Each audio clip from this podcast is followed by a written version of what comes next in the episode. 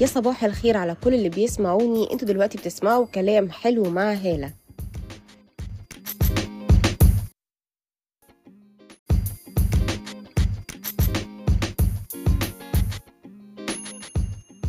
حلقتنا النهاردة عن الشك بأنواعه وأشكاله. تابعوا الحلقة للآخر.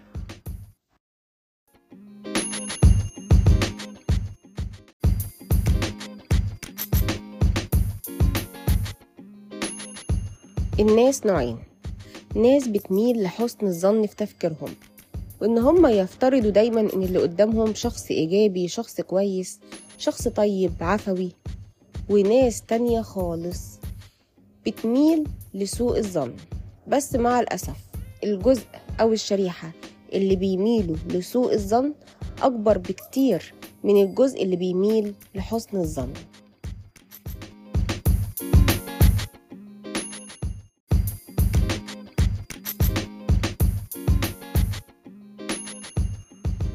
طيب ليه بقى النوع ده أكتر من النوع الأول بكتير؟ لأن هما بيفترضوا إن هما كده بيحموا نفسهم. لما يفتكروا إن قدامهم شخص سيء وحش إلى أن يثبت العكس. لأن لو حصل ده وطلع الشخص اللي قدامهم وحش هيعرفوا يتصرفوا. لأن اوريدي هم حاطين سيناريو في خيالهم إن الشخص ده وحش. الشخص ده ناولنا على نية مش حلوة. فطبيعي عقلهم هيروح اللي أنا هعرف إزاي أحمي نفسي من الشخص ده. إزاي هقدر إن أنا أتصرف لو الشخص ده طلع إنسان وحش طلع إنسان سلبي طلع إنسان بيفكر لي في مشكلة أو بيفكر لي في أي حاجة تضايقني فهعرف أتصرف. لكن لو طلع كويس وطلع إنسان طيب وطلع إنسان مفهوش أي مشكلة يبقى خير وبركة.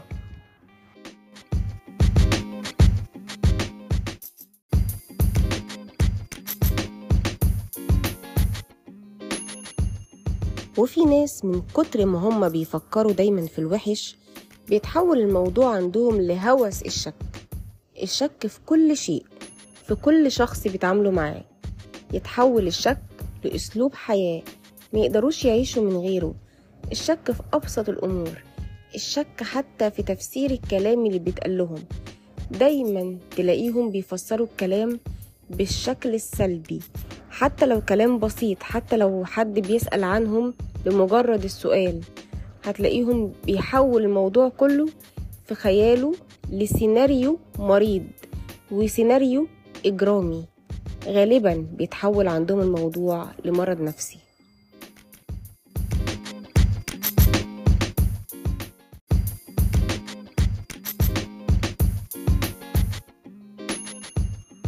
فخير الأمور الوسط دايما.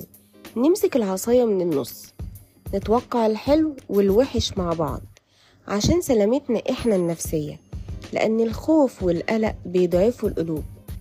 على إيه؟ لو شخص جه يتكلم معايا دايما هفترض إنه إنسان وحش. أفترض برضو إنه إنسان كويس. أفترض إن هو بيسأل عليا عشان فعلا عايز يسأل عليا عشان عايز يطمن عليا. بلاش نفترض كل حاجة وحشة في كل شيء بيحصل حوالينا.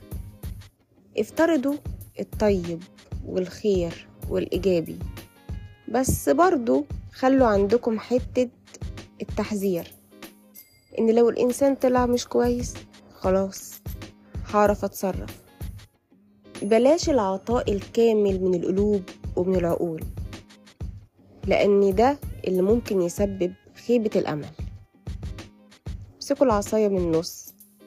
فكروا إن الشخص كويس وحطوا نسبة عشرة في المية إنه ممكن يطلع وحش. لغاية لما نشوف أنهي كفة هي اللي هتظبط. هيطلع طيب ولا هيطلع وحش؟ حافظوا على سلامتكم النفسية بالتفكير الإيجابي لكل اللي حواليكم.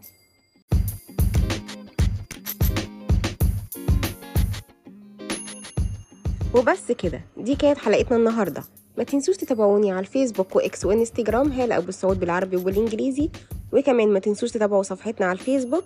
كلام حلو مع هالة وإلى اللقاء.